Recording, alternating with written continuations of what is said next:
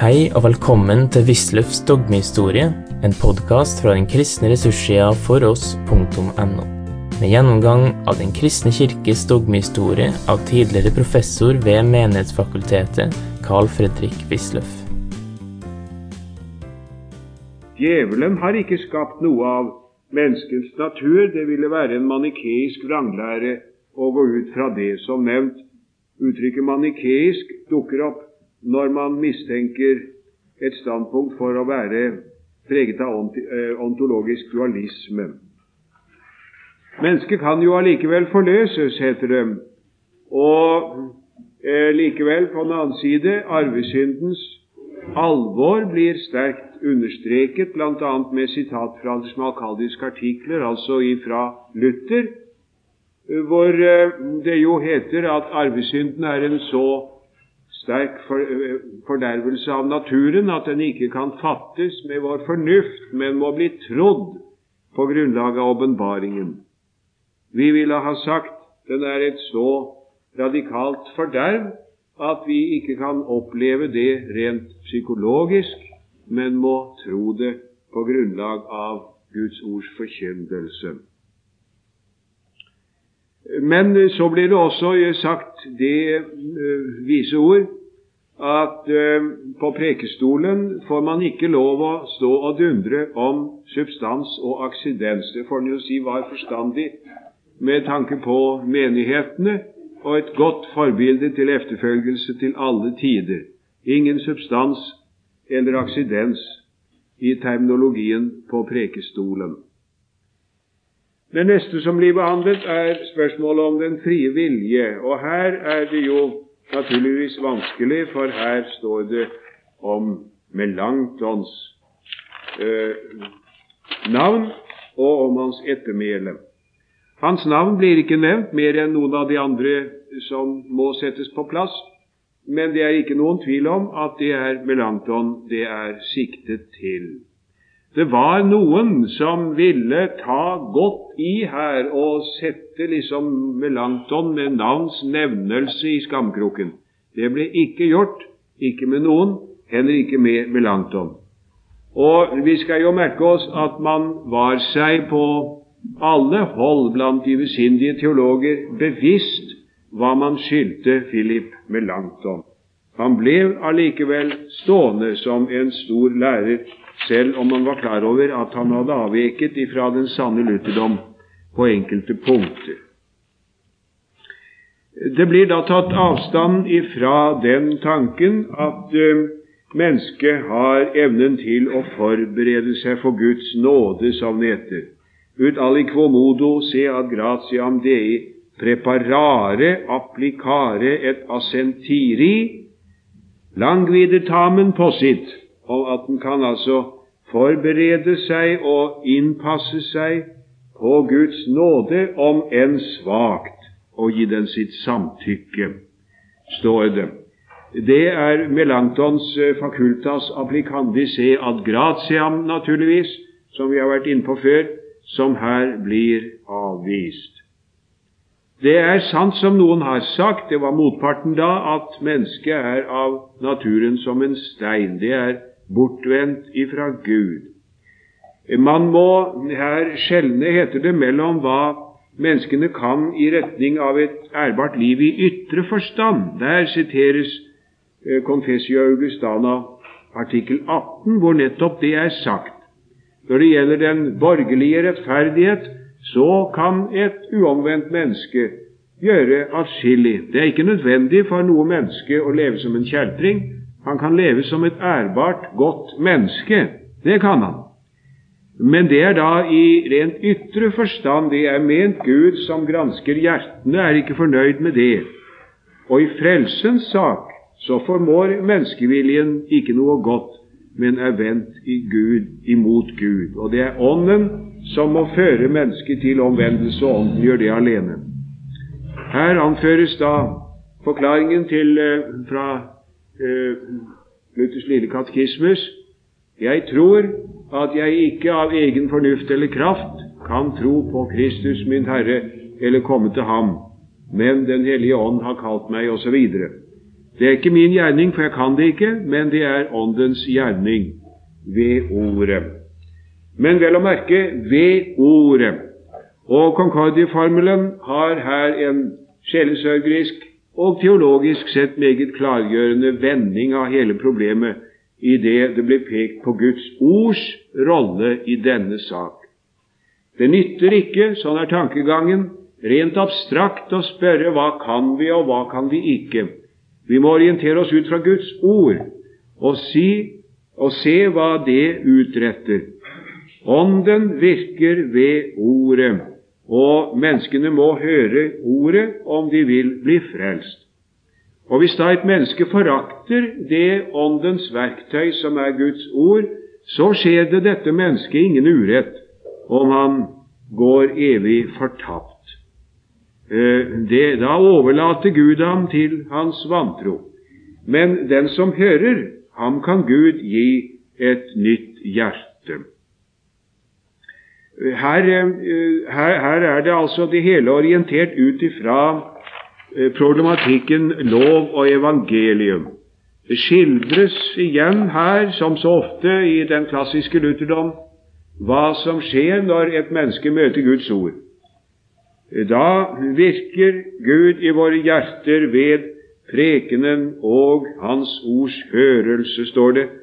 Og Han eh, tok til våre hjerter at vi ved lovens forkyndelse kjenner synden og Guds vrede og føler i hjertet en sann forferdelse, anger og smerte.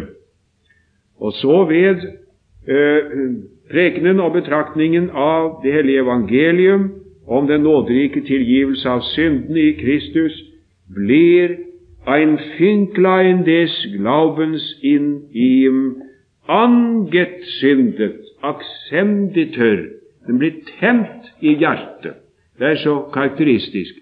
Eh, troens gnist blir tent i hjertet derved at jeg hører eh, at jeg hører evangeliets ord.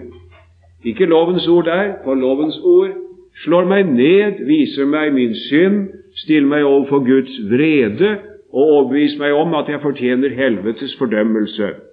Men evangeliet om den nåderike tilgivelse i Kristus tenner troen i hjertet, heter det her. Man må forstå dette ut ifra, uh, ut ifra lovens gjerning og ifra evangeliets gjerning. Uh, og så uh, er det da slik at efter omvendelsen da kan man tale om at viljen virker med hos et menneske.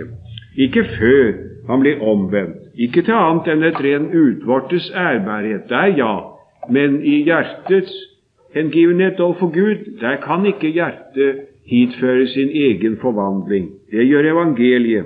Men når det er skjedd, når et menneske da er gjenfødt, så kan han så, så langt som han er gjenfødt, virke med. Eh, man skal merke seg de, de uttrykkene der.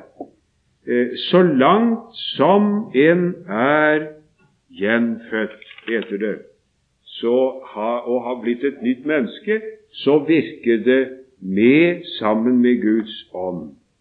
Wann aber der Mensch bekehret worden und also erleuchtet ist, und sein Wille verneuert, alsdann so will der Mensch Gottes, sofern er neu geboren und ein neuer Mensch ist und hat Lust am Gesetz Gottes nach dem innerlichen Menschen.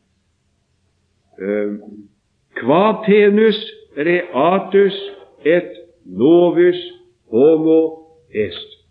Så langt som for så vidt som han er gjenfødt og er blitt et nytt menneske. Altså ikke før omvendelsen og innfødelsen, men når det er skjedd, da ja.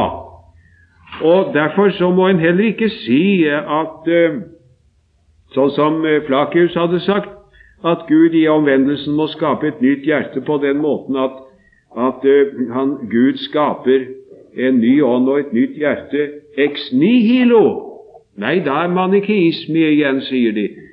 Det er dog så at Gud frelser det som Han har skapt.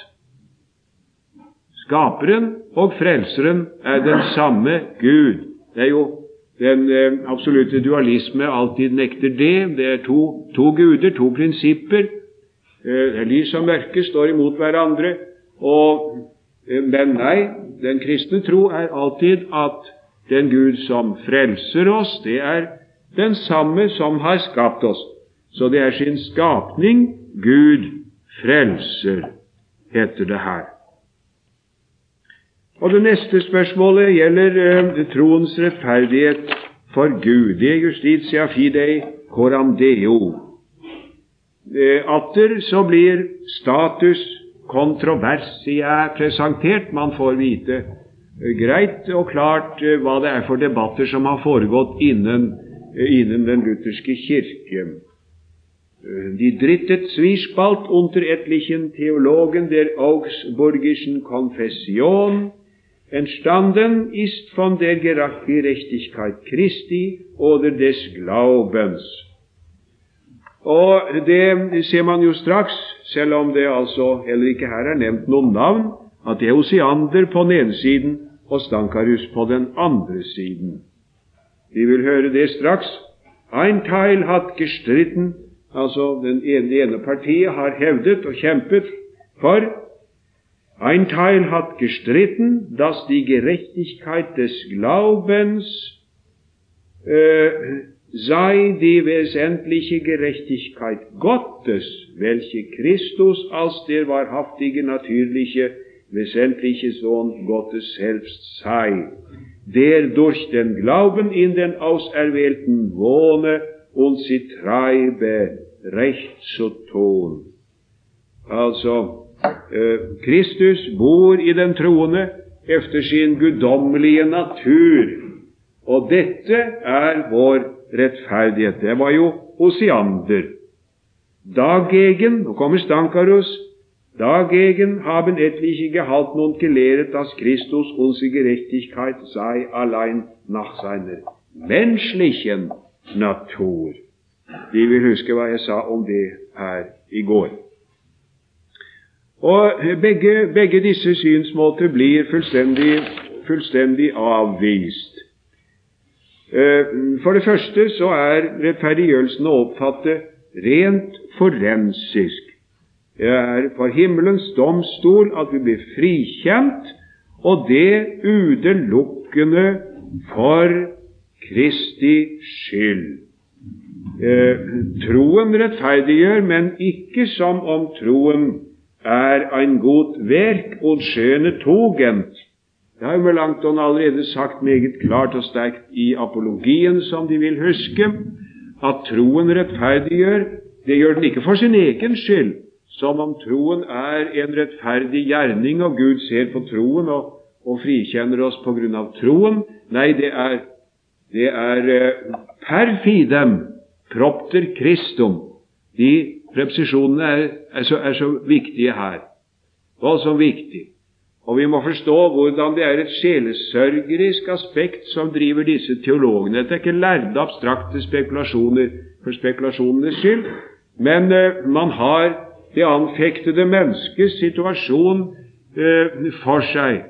Når et menneske eh, som har omsorg for sin sjels frelse, spør hvordan kan jeg bli vist på at jeg er frelst, da heter det for Kristi skyld men ved troen, ikke omvendt. Ikke på grunn av troen, men ved troen, rent instrumentalt. Men propp, altså per fidem, propter Kristum. Troen ø, gjør ikke rettferdig fordi den er ein og en und togent, sondern weil er in der Verheißung des heiligen Evangelie den Verdienst Christi ergreift und annimmt. Troen tar imot Kristus og hans rettferdighet, og derved rettferdiggjør den. Man må videre ikke blande sammen rettferdiggjørelse og helliggjørelse. Det som lutherdommen alltid er så veldig nøye på. Eh, ganske visst er det så at når et menneske blir rettferdiggjort, vil si når Gud frikjenner ham, da får han av bare nåde Guds hellige ånd i sitt hjerte, og så blir han gjenfødt, og så følger da et hellig liv under Åndens ledelse og tukt. Og Derfor heter det her så er uttrykksmåten somme tider vekslende. Eh, det er det i Skriften, og sånn er det eh, i den klassiske lutherske litteratur, heter det. Ordene justificatio, regeneratio og vivificatio blir under tiden brukt i samme mening. Det vises her til Melanchthon i apologien. Uh, og det er klart, det, det er, det er riktig nok, det heter det, for naturligvis. Jeg leser Dann so der Mensch durch den Glauben, welchen allein der Heilige Geist wirket, gerechtfertiget, solches wahrhaftig eine Wiedergeburt ist, weil aus einem Kind des Zorns ein Kind Gottes und also aus dem Tod in das Leben gesetzes jeg, jeg, kommer tilbake til dette her igjen. Det er fortvilet elendighet at det er blitt sånn i teologien, og ikke minst i vår norske kristenhet, at man knytter terminologisk gjenfødelsen bare til dåpen.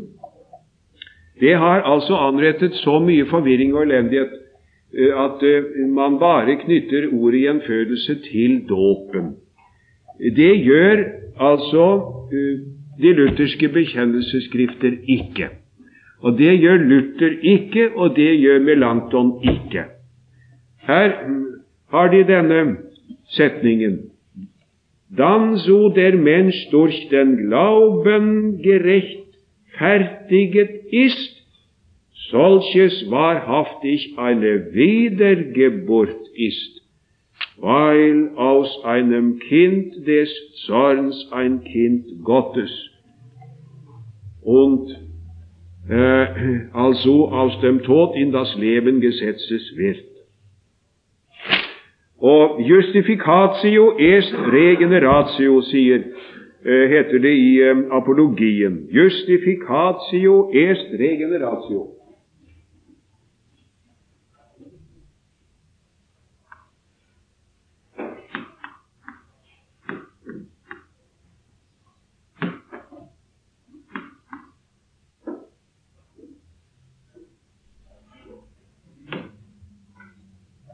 Sånn, sånn, sånn kan, det, kan, det, Og det er riktig, det heter det her. Det er riktig, det. Det er en gjenfødelse. For eh, når et menneske er rettferdiggjort ved troen, eh, så er han jo Han som før var et vredens barn, han er blitt et Guds barn.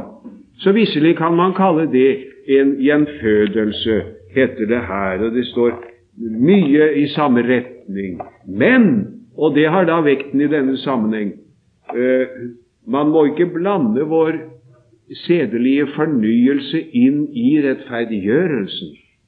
In loco justificationis er det bare Kristus og troen. In loco justificationis er det bare Kristus og troen. Intet annet. Da holder vi all tanke på gjenfødelse og helliggjørelse og sedelig fornyelse ganske utenfor. Hvorfor det?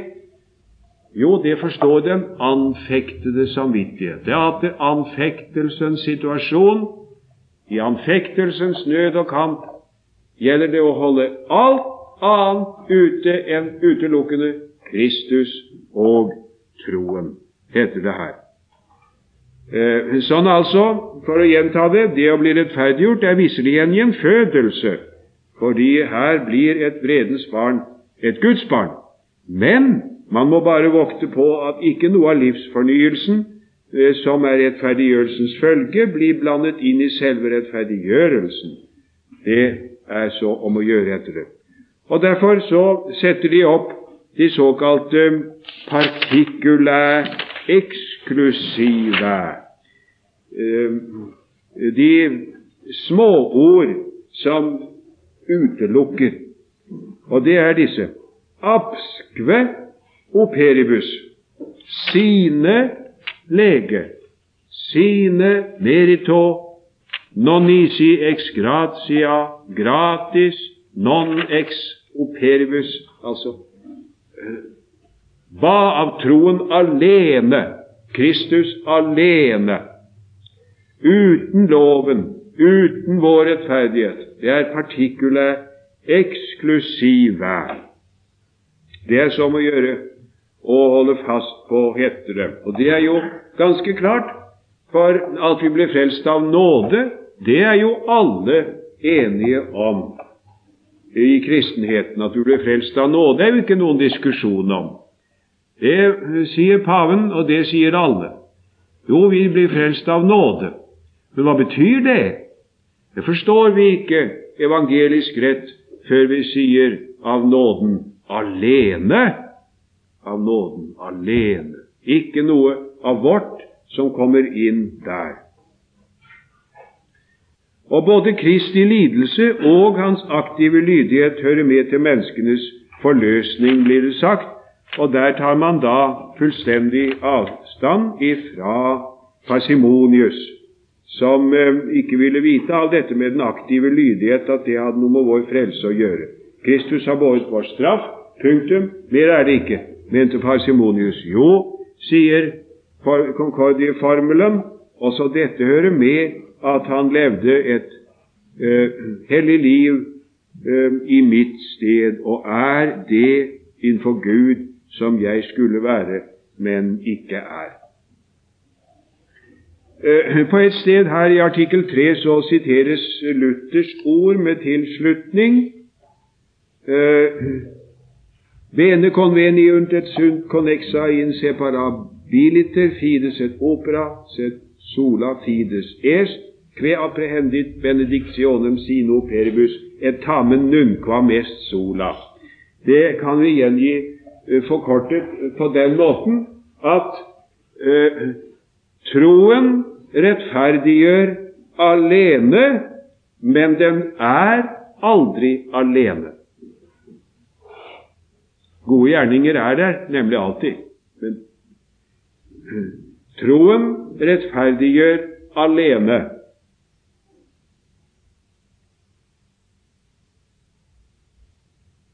Men den er aldri alene. For underforstått de gode gjerninger følger med.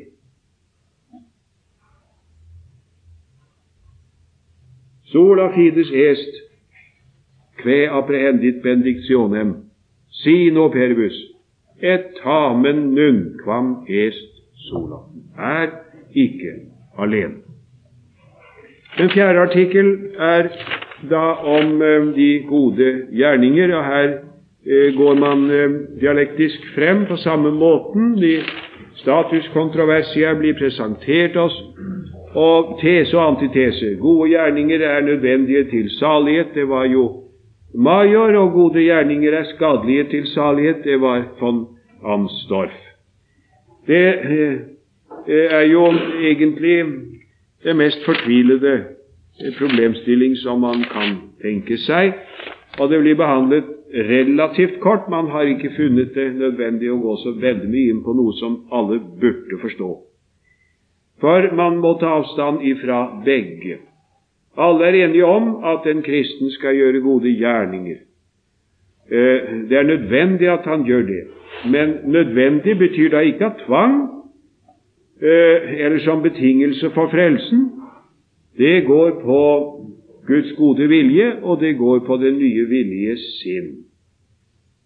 Den som ligger i herskende synder, som det heter, i herskende synder, han kan ikke ha troen. Det er sikkert. Og så kommer den store artikkel 5 om loven og evangeliet. Eh, der heter det at eh, forskjellen mellom Loven og evangeliet er et særdeles herlig lys som tjener til at Guds ord blir rett delt, og de hellige profeters og apostlers skrifter egentlig eh, rettelig forklart og forstått. Og det er eh, et viktig synspunkt, for det er altså en hermeneutisk nøkkel til Skriften, vil Konkordieformelens fedre si. Eh, dette med lov og evangelium. Det er et lys eh, ved hvilket Guds ord blir rett delt, og de hellige profeters og apostlers skrifter rett forstått. Skal man forstå Guds ord, så må man fatte forskjellen mellom loven og evangeliet, eller også forstår man ikke Guds ord. Det er jo derfor også Luther har sagt at den er rett doktor i teologien som kan fatte forskjellen mellom loven og evangeliet. Eh, problemet her er jo det som eh, har vært nevnt før, da, eh, her om hvorvidt evangeliet skal tjene som botspreken, eller om det bare er loven som forkynner bot. Det Til galgen med Moses sa de jo Moses hører hjemme på Rostua, ikke Kirken. Og skal det bli noen virkelig bot, så må evangeliet forkynnes, slik at man ser Kristus i hans smertelige lidelse for vår skyld. Så vendes Eh, vårt blikk til ham, og så angrer vi våre synder.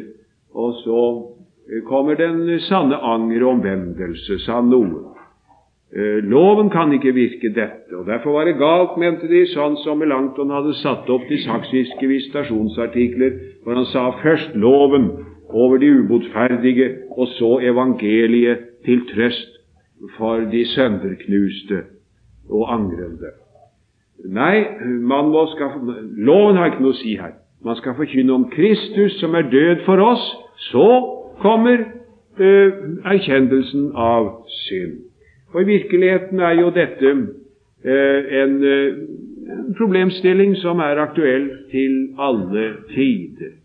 Det er noen som vil si vi får tie med evangeliet nå en stund og bare forkynne loven, sånn at folk kan fatte at de er syndere.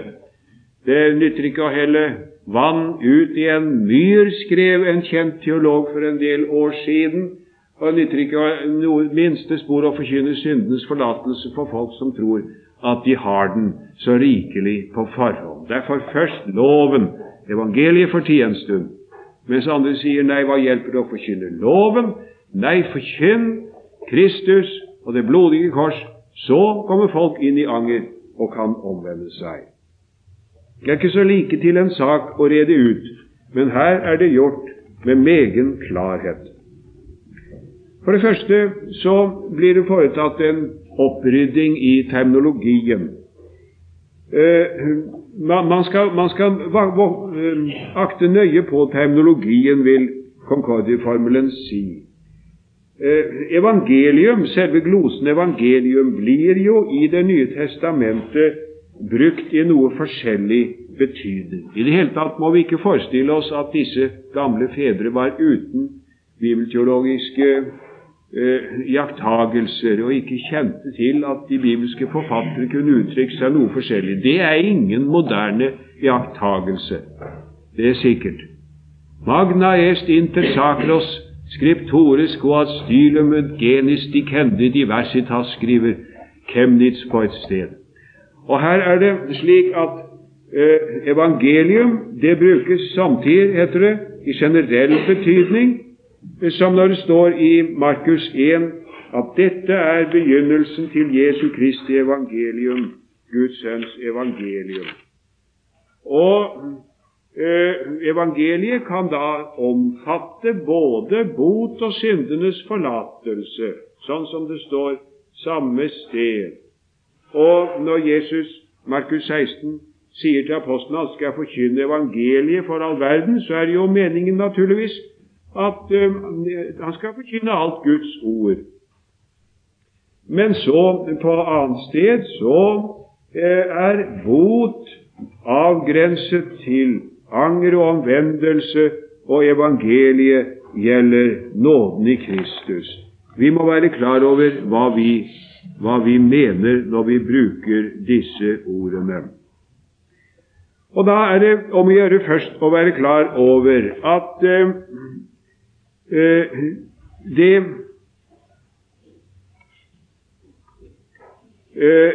de, Loven, den ytre lov, kan ikke, bare lovens ord alene, kan ikke uh, føre folk til omvendelse. Det er ganske umulig. Da tror bare folk at de kan oppfylle loven med ytre gjerninger, står det, eller også kommer de inn i fortvilelse over at de ikke makter dem. Og Derfor tar Kristus loven i sine hender og tyder den åndelig. Og så siteres bergprekenen. Og Guds vrede åpenbares fra himmelen over alle synder. Altså, for å si det på vårt vis, lov og evangelium må alltid forkynnes i en viss samtidighet. Den gamle Ruth Strøm i Sverige på 1700-tallet, han sa det, han eh, Evangeliet må få låne loven noe av sitt lys. Ellers så kan den ikke avdekke vantroen overfor Kristus. Og så kommer en veldig viktig sak til, og det blir, frem, det blir forklart med sitat av en Lutherpreken på søndag, femte søndag etter trefoldighet, hvor det heter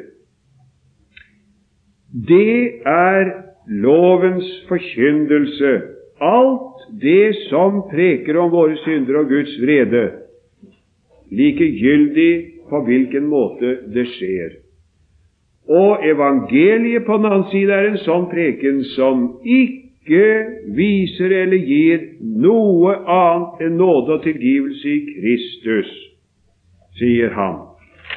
Og så går han videre og sier at forkyndelsen om Jesu Kristi kors kan godt være lovens forkyndelse.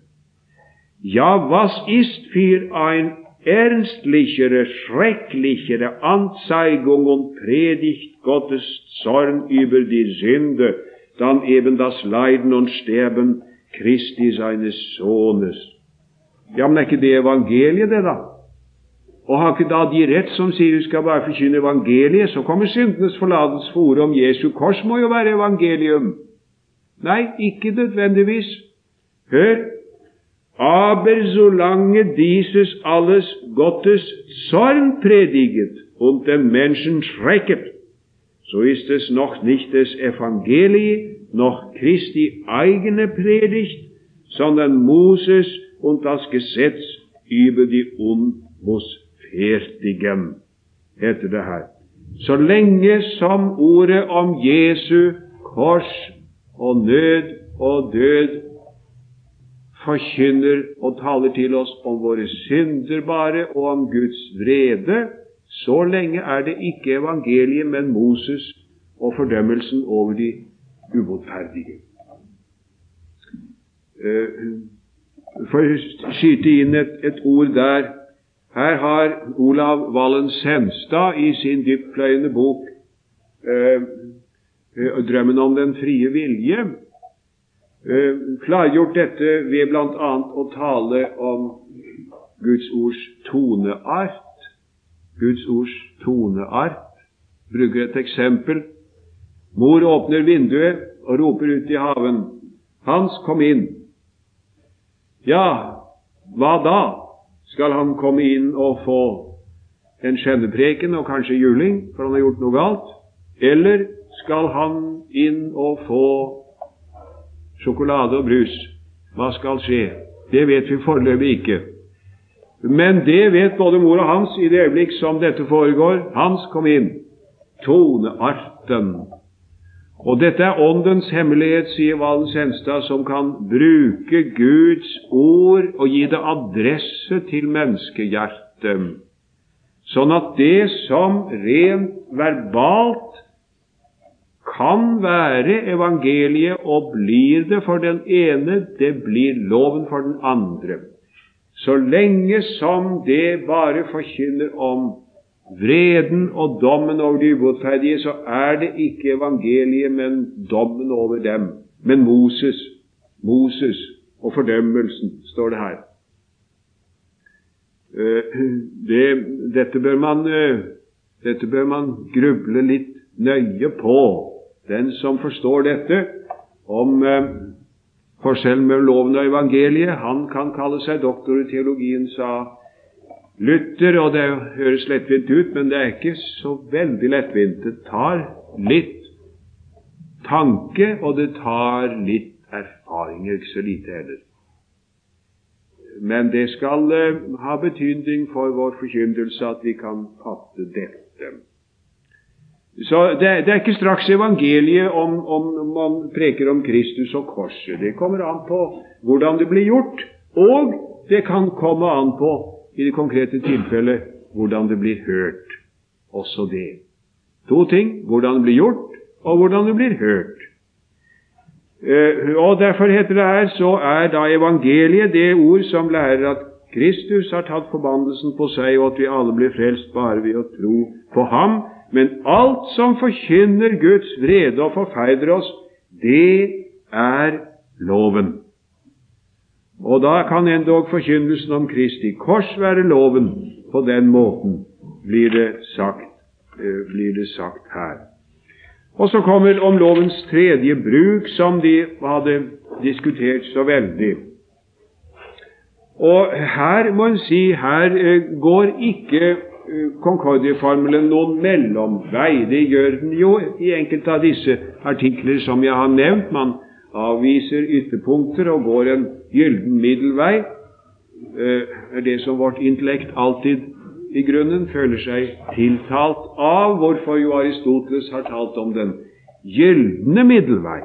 Aurea mediokritas. Ikke hvilken som helst middelvei, men den gylne middelvei. Her er det ikke søkt noen middelvei, for her på dette punkt vender man seg imot Amstorff og Poach og viser at loven er nødvendig også for de gjenfødte. Det var jo det de mente den ikke var. Jo, heter det her, eh, hvis vi hadde vært fullkommen fornyet ved omvendelsen, så hadde vi ikke trengt noen lov. Eh, Wann die Gläubigen und auserwählten Kinder Gottes durch den einwohnenden Geist in diesem Leben vollkommlich verneuert werden, dann bedürften sie keines Gesetzes. Nei, men nå er ulykken den at vi er ikke fullkommen fornyet. Vi har ennå, så lenge vi er i verden, det gamle kjød å dra på. Men eh, for så vidt som man er gjenfødt Her kommer den tanken igjen. Så langt som vi er gjenfødt, wann habe der Mensch durch den Geist Gottes neu geboren und vom Gesetz frei gemacht, so viel er neu geboren, quatenus renatus est, så oppfyller han Guds lov villig og gjerne. Men han har altså ennå kjødet, som står Guds ord imot. Romerne 8, Kjødet er ikke Guds lov lydig, kan heller ikke være det. Mitt gamle kjød som jeg drar på ennå jeg har vært en kristen kanskje mange år, kan ikke helliggjøres.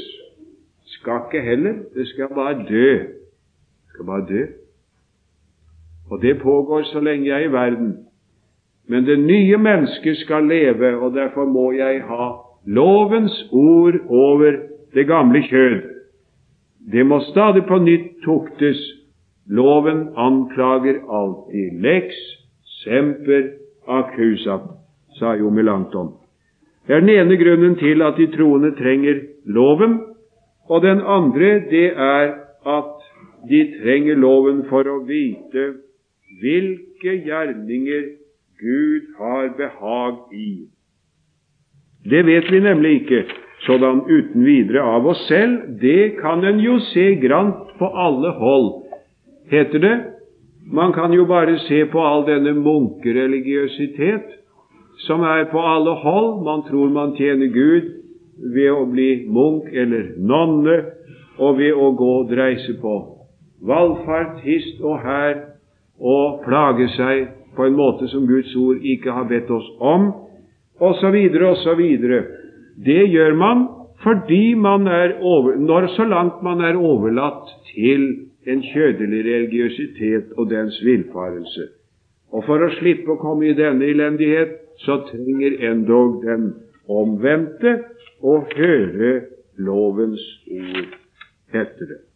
Ellers henfaller man til egne fromhetsgjerninger og selvvalgt gudsdyrkelse.